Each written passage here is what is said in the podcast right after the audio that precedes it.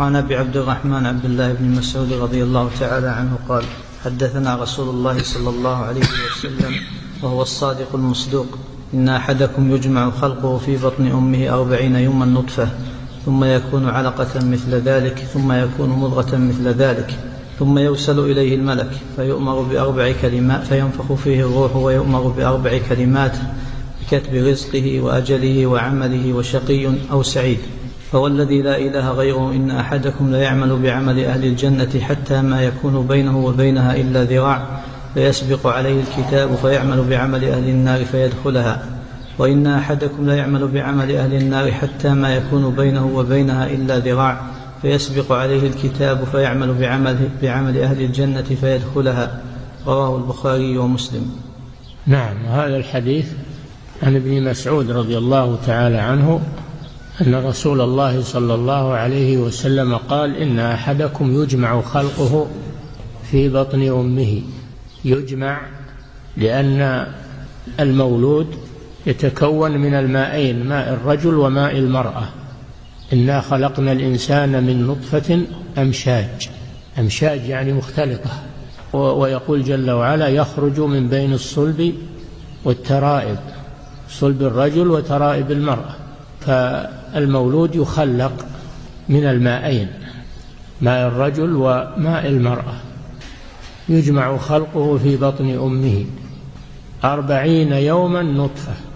نطفة يعني نقطة مني. نقطة مني. ثم يكون علقة. العلقة يتحول المني إلى دم.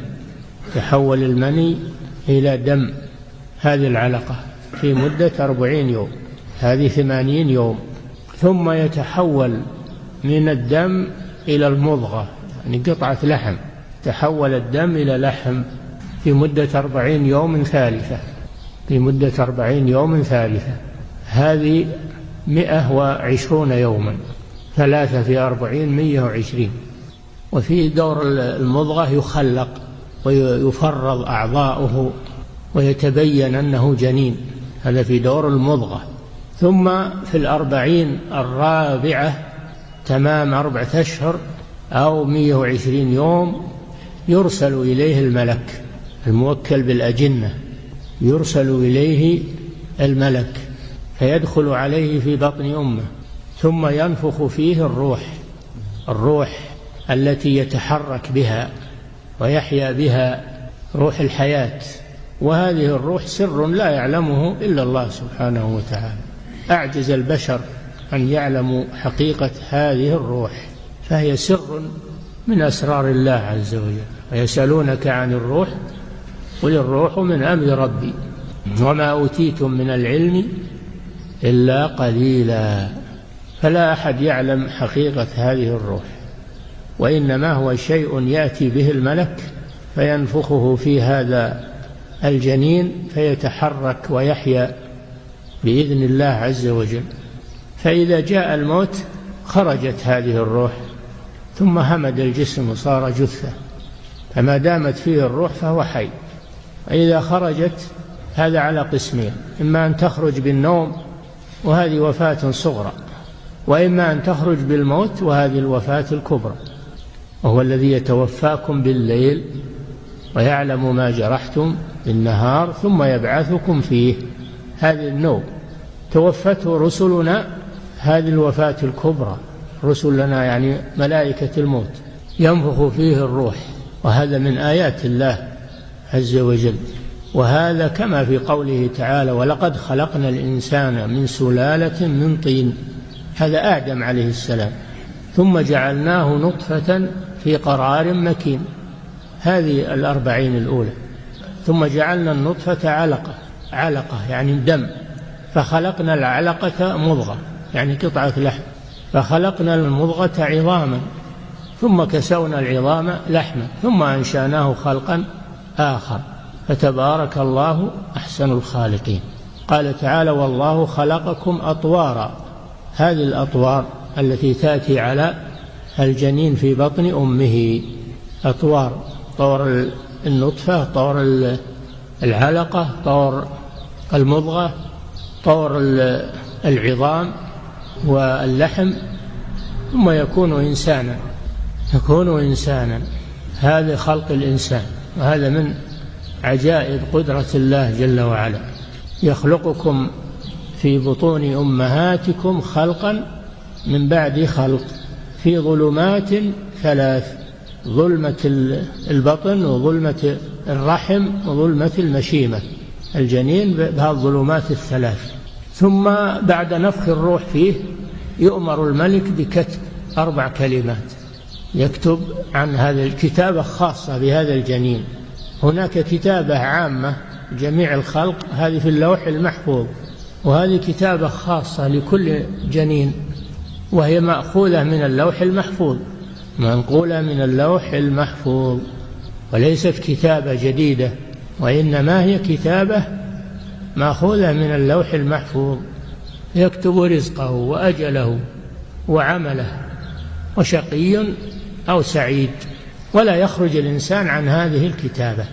لا يخرج الرزق عن هذه الكتابة مالك إلا ما كتب لك. ولا تأخذ من العمر في الدنيا إلا ما كتب لك من العمر.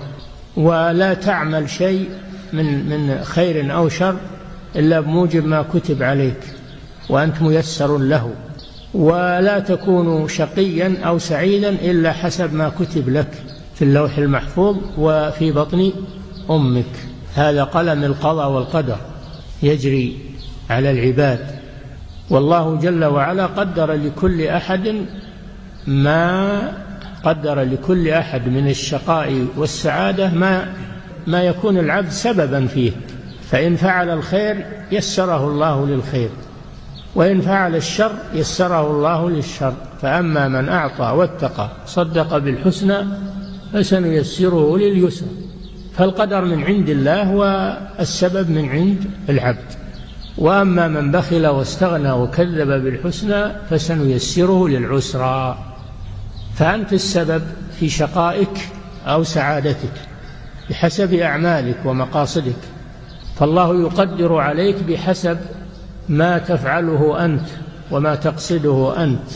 فهذا هو الجمع بين الأمرين أن أن الأعمال بقدر الله وأنها بفعل العبد. فالعبد سبب.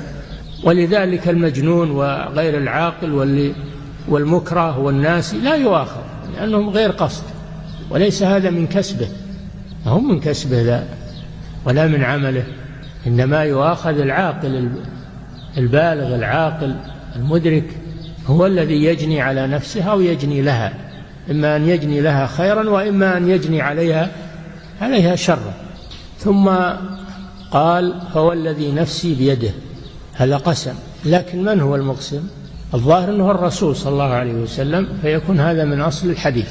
وقيل إن المقسم هو الراوي بن مسعود رضي الله عنه فيكون هذا من المدرج في الحديث لكن الظاهر أنه من كلام الرسول صلى الله عليه وسلم والذي نفسي بيده أقسم صلى الله عليه وسلم وهو الصادق المصدوق من باب التأكيد إن أحدكم. ولأهمية الأمر هذا إن أحدكم ليعمل بعمل أهل الجنة حتى ما يكون بينه وبينها إلا ذراع يسبق عليه الكتاب يعني الذي قدر له كتب عليه. فيعمل بعمل أهل النار.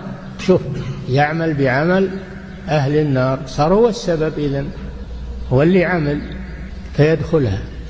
وإن أحدكم ليعمل بعمل أهل النار حتى ما يكون بينه وبينها إلا ذراع فيعمل بعمل أهل الجنة فيدخلها. هذا يدل على أن الأعمال بالخواتيم. على أن الأعمال بالخواتيم وأن المعتبر ما يموت عليه الإنسان من خير أو شر. فلو أنه أفنى عمره بالطاعة لكن ختم حياته بالكفر صار من أهل النار. لو ارتد صار من أهل النار والعياذ بالله. أو أنه ما ارتد لكن عمل عملا يوجب دخوله النار دخل النار. العبرة بالخاتمة. ولو أنه أفنى عمره بالكفر ثم من الله عليه بالتوبة عند الموت قبل أن تغرغر روحه دخل الجنة.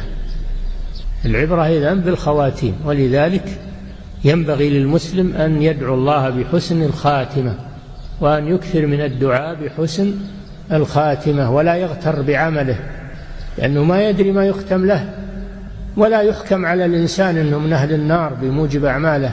لأنه ما يدرى ماذا يختم له به. أنت لا تحكم على أحد أنه من أهل الجنة ولا من أهل النار.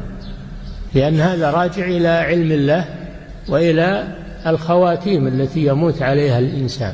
والخواتيم لا يعلمها إلا الله سبحانه وتعالى. هذا والله أعلم وصلى الله وسلم على نبينا محمد على آله وأصحابه أجمعين.